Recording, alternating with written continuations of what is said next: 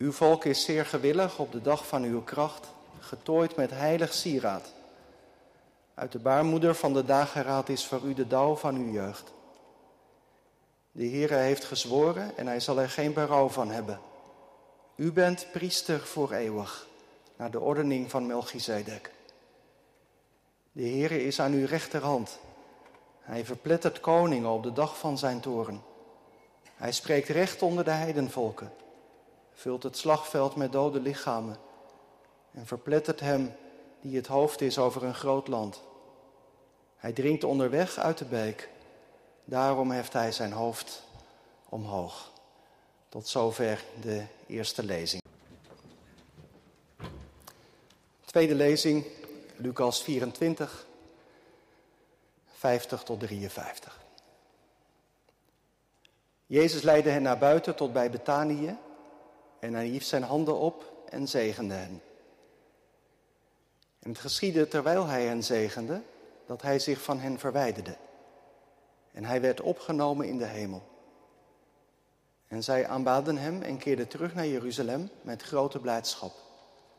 En zij waren voortdurend in de tempel, terwijl ze God loofden en dankten. Amen. Jongens en meisjes, mooi dat je al wakker bent om eh, mee te kijken op deze feestdag. Een beetje vroeger dan we gewend zijn. Ehm, ik wil graag iets aan jullie vertellen. En ehm, ik wijs even op de stoel hier naast mij. Laten we zeggen dat het een troon is. Misschien heb je twee weken geleden ook gekeken. Toen heeft dominee Vreugdeel daar ook iets over verteld. Want hij zei toen, de Heer Jezus, hij zat op deze troon. Hij had een kroon op zijn hoofd. De Heer Jezus was altijd al bij God. Maar toen kwam het moment dat hij van de troon afkwam. Dat hij zijn kroon aflegde. Dat hij mens werd zoals wij. En dat hij voor ons door de knieën ging. Dat hij kwam om ons te dienen. Vandaag, op Hemelvaartsdag, denken wij aan de omgekeerde beweging. Jezus is van de troon afgekomen, maar met hemelvaart vieren wij dat Jezus Christus weer op de troon is gaan zitten. Hij zit aan de rechterhand van God. Hij is koning. Hij heeft de kroon weer op zijn hoofd gezet en hij regeert. Ik weet niet of jij ook wel eens gedacht hebt, net als ik, wat zou het fijn zijn als de Heer Jezus nog bij ons was. Als die gewoon nog hier op aarde was. En toch is het eigenlijk beter dat hij teruggekeerd is naar de hemel. Want zo kan die overal bij ons zijn. Kan die overal voor ons zorgen, voor ons bidden, ons zegenen. Hemelvaart is geen verdrietig feest, maar met hemelvaart vieren wij dat Christus koning is. Hij zit aan Gods rechterhand en voor altijd is hij op ons betrokken. Iedere dag opnieuw. En daarom is het vandaag echt feest. Wij zingen samen een lied. Hij is verheerlijkt als koning verheven zo hoog. Laten we dat lied twee keer achter elkaar zingen.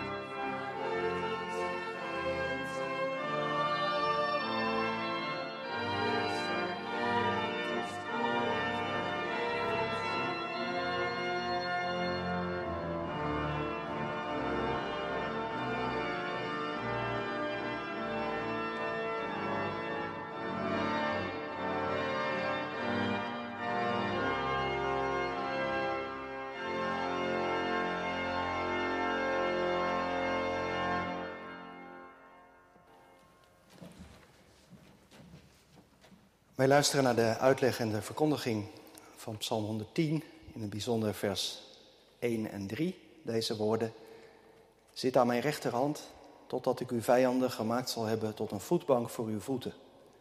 U bent priester voor eeuwig, naar de ordening van Melchizedek.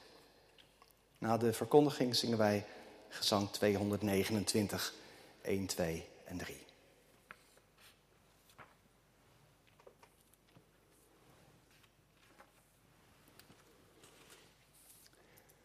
Broeders en zusters, gemeente van Christus. Hemelvaart is de kroningsdag van Christus. En daarom lazen wij met elkaar ook een kroningslied. Psalm 110. Nu kan ik het me goed voorstellen dat je die psalm op het eerste gehoor een beetje raadselachtig vindt. Niet alles is direct duidelijk. En ook de Hebreeuwse tekst is in sommige versen lastig te doorgronden. Dat zie je ook als je een aantal vertalingen naast elkaar legt.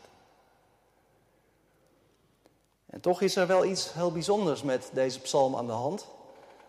Want er is geen enkele tekst uit het Oude Testament die zo vaak in het Nieuwe Testament wordt geciteerd als juist deze psalm 110. Telkens wordt dan door de schrijvers van het Nieuwe Testament heel direct de lijn doorgetrokken vanuit deze psalm naar Christus. En iemand als Luther, die zei over psalm 110, dit is werkelijk de hoge hoofdpsalm van onze lieve Heer Jezus Christus.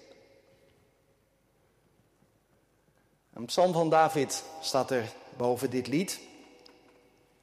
Maar het gaat in deze psalm niet alleen, zoals in heel veel andere psalmen van David, om de reactie van David op de daden van God. In deze psalm klinken ook nadrukkelijk woorden van God zelf. Zoals in vers 1. De Heere heeft tot mijn Heere gesproken.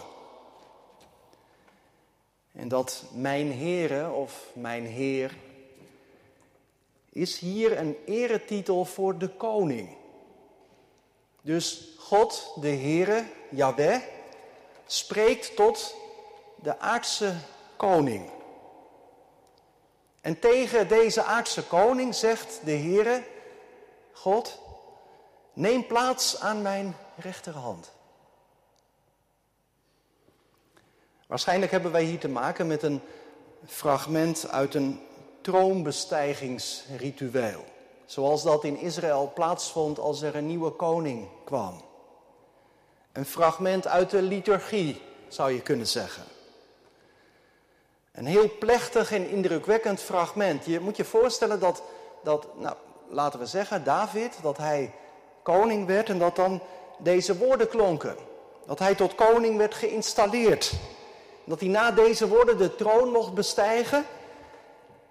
En dat dat dan betekende dat hij aan Gods rechterhand kwam zitten. Aan iemands rechterhand zitten, dat betekent in de Bijbel altijd de ereplaats innemen. Misschien zijn er eh, kleuters die uh, meekijken en anders kunnen hun ouders het misschien nog even tegen hen zeggen. Uh, stel je voor dat je op een dag de klas binnenkomt en dat je stoel naast de stoel van de juf staat. Nou, dan weet je gelijk, vandaag ben ik hulpje.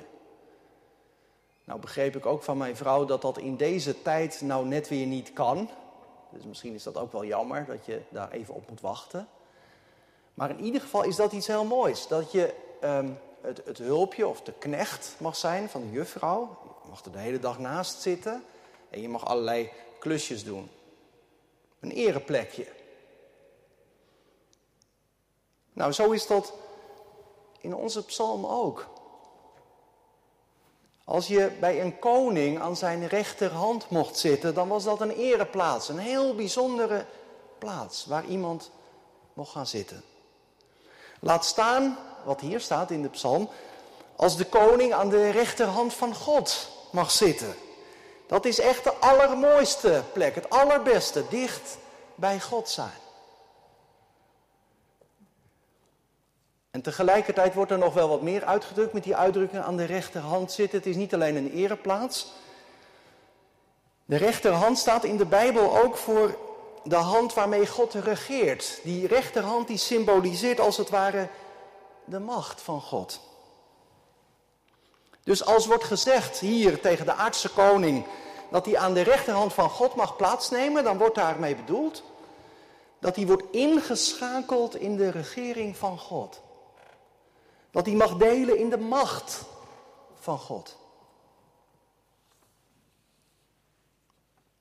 De aardse koning die de volmacht krijgt om namens God te regeren en te heersen. En daar klinkt dan in één adem door ook een mooie belofte mee. Zit aan mijn rechterhand, klinkt het. Totdat ik uw vijanden gemaakt zal hebben tot een voetbank voor uw voeten. Voor de dichter van Psalm 110 staat het vast. De koning van Israël zal overwinnen. Zijn vijanden, die zinken in het niet, die zijn niet meer dan een voetenbankje. Ja, eigenlijk is deze hele psalm één grote belofte voor de koning. In, in vers 2 wordt nog een keer gezegd dat de koning zijn kracht ontleent aan God. Want het is God zelf die de koninklijke scepter vasthoudt en vanuit Sion uitstrekt. Een teken dat God meetrekt in de strijd. En vanuit die gedachte krijgt de koning vervolgens ook het bevel om te midden van zijn vijanden te heersen. En in het vijfde vers krijgt de koning als belofte mee dat de Heer aan zijn rechterhand zal staan in de strijd. Hij zal koningen verslaan. Nou, even, even uitzoomen als het ware, dan realiseer je dat in deze psalm een hele hoge roeping van een aardse koning wordt geschetst. En nou ja, daar even over verder denkend vraag je je natuurlijk af, ja maar welke koning kan daar ooit aan voldoen? Als je in de geschiedenis van Israël even al die koningen zo in gedachten langsloopt, dan zie je dat er eigenlijk voortdurend heel veel misgaat in het koningschap. Israël wilde heel graag een koning van God, maar toen die koning er was, toen bleek dat dat vaak niet meeviel. Dat ook al die koningen die in Israël regeerden eh, eh, vatbaar waren voor de dienst aan afgoden, streven naar eer, misbruik van hun macht, gekonkel. Koning David die komt dan misschien nog het dichtst bij het koningschap zoals God dat voor ogen had, maar ook hij is bepaald niet volmaakt. Als je een Bijbel bij je hebt, als je hem even kunt pakken anders, um, of je, je pakt de orde van dienst erbij, dan zie je dat in deze psalm heel veel hoofdletters worden gebruikt. Ik weet niet of je dat opviel bij het lezen. Heel veel hoofdletters. En niet alleen aan het begin van een zin. Ook niet alleen als het gaat over de naam van God. Zo wordt er in vers 1 uh, eh, gesproken over uw, hoofdletter, vijanden. En een voetbak van uw, hoofdletter voor uw, hoofdletter, voeten. En ook dat mijn heren, de Heer heeft tot mijn heren gesproken. Heren staat ook met een hoofdletter. Nu staan die hoofdletters natuurlijk niet in de oorspronkelijke tekst, want Hebreeuws kent helemaal geen hoofdletters. Maar de vertalers die hebben die hoofdletters wel met een hele goede reden geschreven in de tekst. Zij hebben willen aangeven, en daar hebben ze denk ik een goede greep mee gedaan, dat deze psalm verder kijkt dan alleen aardse koningen. Ja, dat is ook wel duidelijk. De Heere God had het zo bedoeld. Het koningschap van David was bedoeld om iets zichtbaar te maken van het koningschap van God. Bedoeld voor altijd, had God zelfs gezegd tegen David, maar dat koningschap was stuk gelopen. Niet alleen bij David, maar bij al zijn opvolgers. En dan zegt God niet, nou dat is dan jammer. Dan gaat u maar ten onder aan de vijand, dan wordt u maar onder de voet gelopen. Nee, God geeft een nieuwe koning. Hij houdt zich aan zijn belofte. Helemaal in lijn met de belofte uit een andere psalm, Psalm 132. Eeuwig bloeit de gloriekroon op het hoofd van Davids grote zoon. Het is inderdaad met heel goede redenen dat, dat de schrijvers van het Nieuwe Testament juist aan deze psalm denken als zij nadenken over wie Christus is, over zijn verhoging. Hij, Jezus Christus, is de diepste vervulling van de woorden van deze psalm. Met hemelvaart, dan klinken die woorden uit Psalm 110 opnieuw uit de mond van God. Neem plaats aan mijn rechterhand. Misschien heeft God het wel zo gezegd. Lieve zoon, kom naast me zitten. Hier, aan mijn rechterhand, dicht bij me. Een ereplaats. Omdat Christus de hele weg heeft volbracht. Hij heeft werkelijk alles volbracht wat hij te doen had. En nu keert hij terug naar zijn vader in de hemel en neemt hij de ereplaats in. En ontvangt hij, dat was het tweede aspect, ontvangt hij zittend aan die rechterhand ook de volmacht, de macht om te regeren. Zoals Jezus het zelf ook zegt aan het einde van het Matthäus-evangelie. Ik heb alle macht gekregen in hemel en op aarde. Christus, hij bestijgt de troon, ontvangt de volmacht om te regeren, om te heersen. En inderdaad, ook bij Christus gaat dat, om zo te zeggen, niet zonder slag of stoot. Niet voor niets wordt er in deze psalm zo uitgebreid over vijanden gesproken. En vijanden waar koning David tijdens zijn hele leven mee te maken had. Iedere keer weer vijanden buiten Israël, binnen Israël, zelfs binnen zijn eigen gezin. Mensen die zich met hand en tand aan het verzetten waren tegen zijn koningschap. En daarmee dus ook, zegt de psalm ten diepste, tegen God. Die hem die volmacht had gegeven. Deze vijanden die gaven zich niet zomaar gewonnen. En daarom moest er iedere keer weer strijd geleverd worden op leven en dood. Dat laat de psalm niet achterwege. Wel heftige woorden zijn het. Misschien schrok je er ook wel van. Ruig, die beelden uit vers 5 en vers 6. Maar dat is de realiteit van het koningschap. Van het regeren namens God. De uiteindelijke overwinning komt door de strijd heen. En dat is voor het koningschap van Christus niet anders. Ook hij heeft vijanden. Machten die zich tot het uiterste verzetten tegen zijn heerschappij. Machten buiten ons, maar net zo goed ook machten binnen ons. De machten van de dood en van de duivel en van de zonde. En op allerlei manieren proberen deze machten zich te keren. Keren tegen het koningschap van Christus. Je ziet het tijdens het leven van Jezus ook gebeuren, realiseerde ik me. Dat, dat die machten voortdurend ook Christus eronder proberen te krijgen. Dat begint al aan het begin van zijn leven. Als Jezus als een klein babytje vermoord dreigt te worden. En ook later is daar de strijd met de duivel in de woestijn. Er is de verleiding van macht, van eer. En uiteindelijk dan lijkt Christus ook echt ten onder te gaan. De machten van de duivel, de zonde en de dood, die lijken te winnen.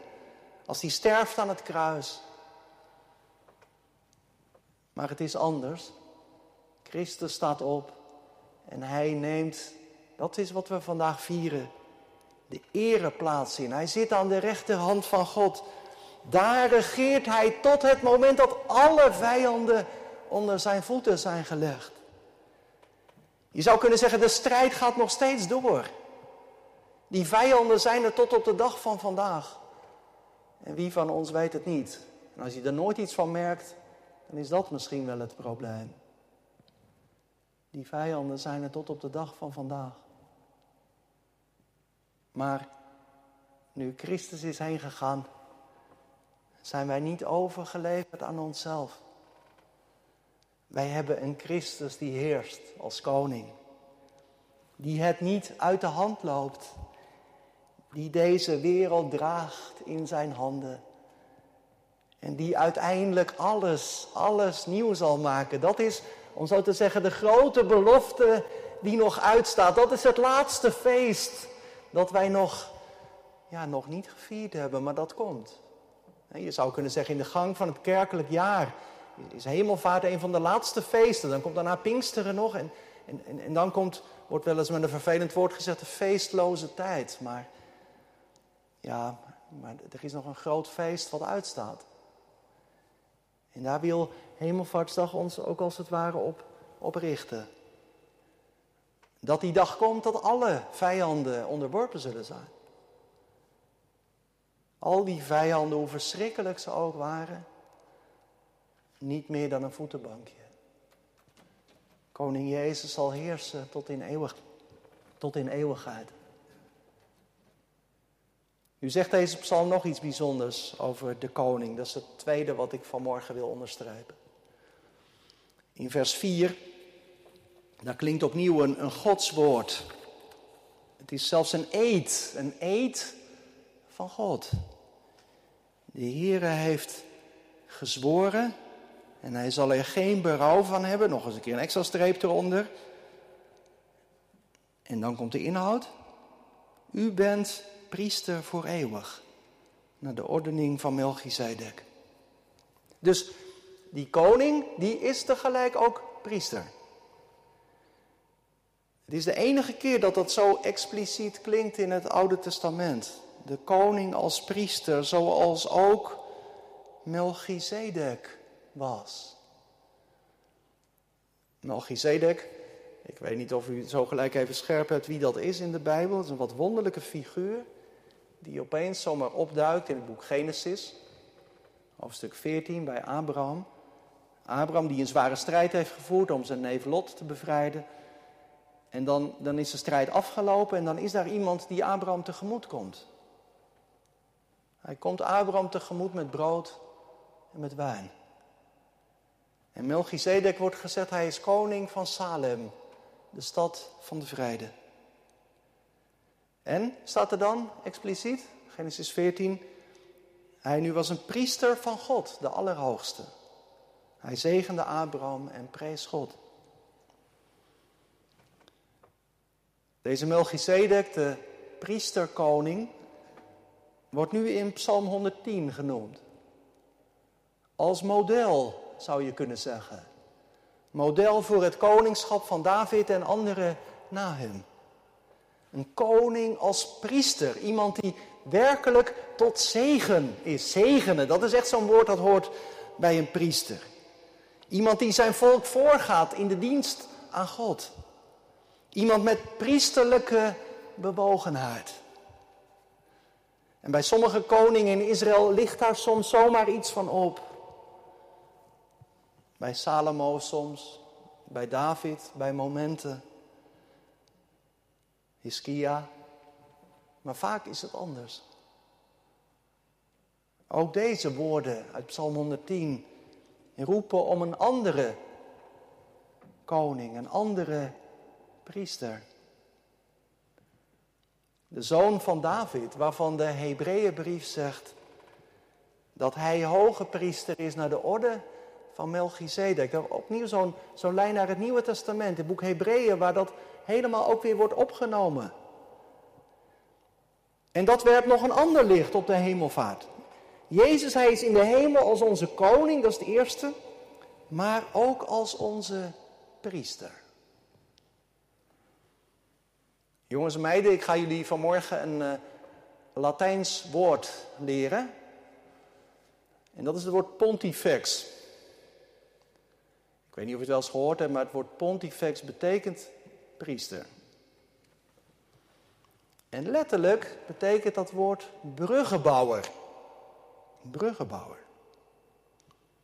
En dat is, nou dat is een mooi beeld. Iemand die een brug bouwt. Dat is nou eigenlijk precies wat Jezus Christus heeft gedaan. Een brug gebouwd tussen God en de mens. Christus is degene door wie de kloof, de kloof wordt overbrugd, overbrugd. Door Jezus kunnen wij weer bij God komen. Door Hem, of bijna zou ik zeggen over Hem, mogen wij vrijmoedig naderen tot God onze Vader in de hemel. En Hij is ook een bruggenbouwer tussen mensen. Als wij doordrongen zijn van Zijn woorden, van Zijn daden, van Zijn liefde, dan zullen we ook de kloof met andere mensen willen overbruggen. Die ander niet laten zitten, de minste zijn, ook als dat pijn doet. U bent priester voor eeuwig. Een heel belangrijk onderdeel van de priesterdienst was het geven van de zegen. Hij legt de zegen van God op het volk.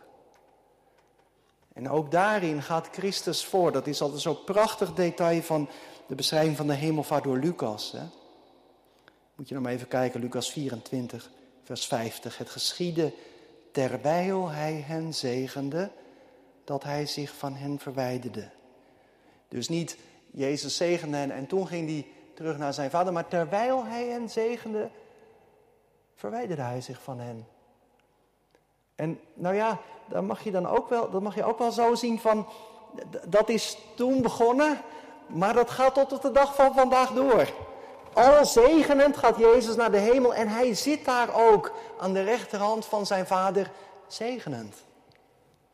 Als priester in de hemel blijft hij ons ten zegen. Met een gedicht van Inge Lievaart, die dat heel mooi zei. Al heeft een wolk zich tussen het geheim van zijn verhoogde heerlijkheid en onze blik geschoven. Al kan geen oog het priesterlijk gebaar waarmee hij van ons ging nog langer zien.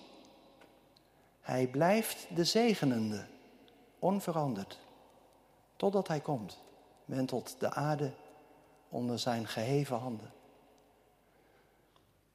Wentelt de aarde onder zijn geheven handen. Dat moet je even laten binnenkomen.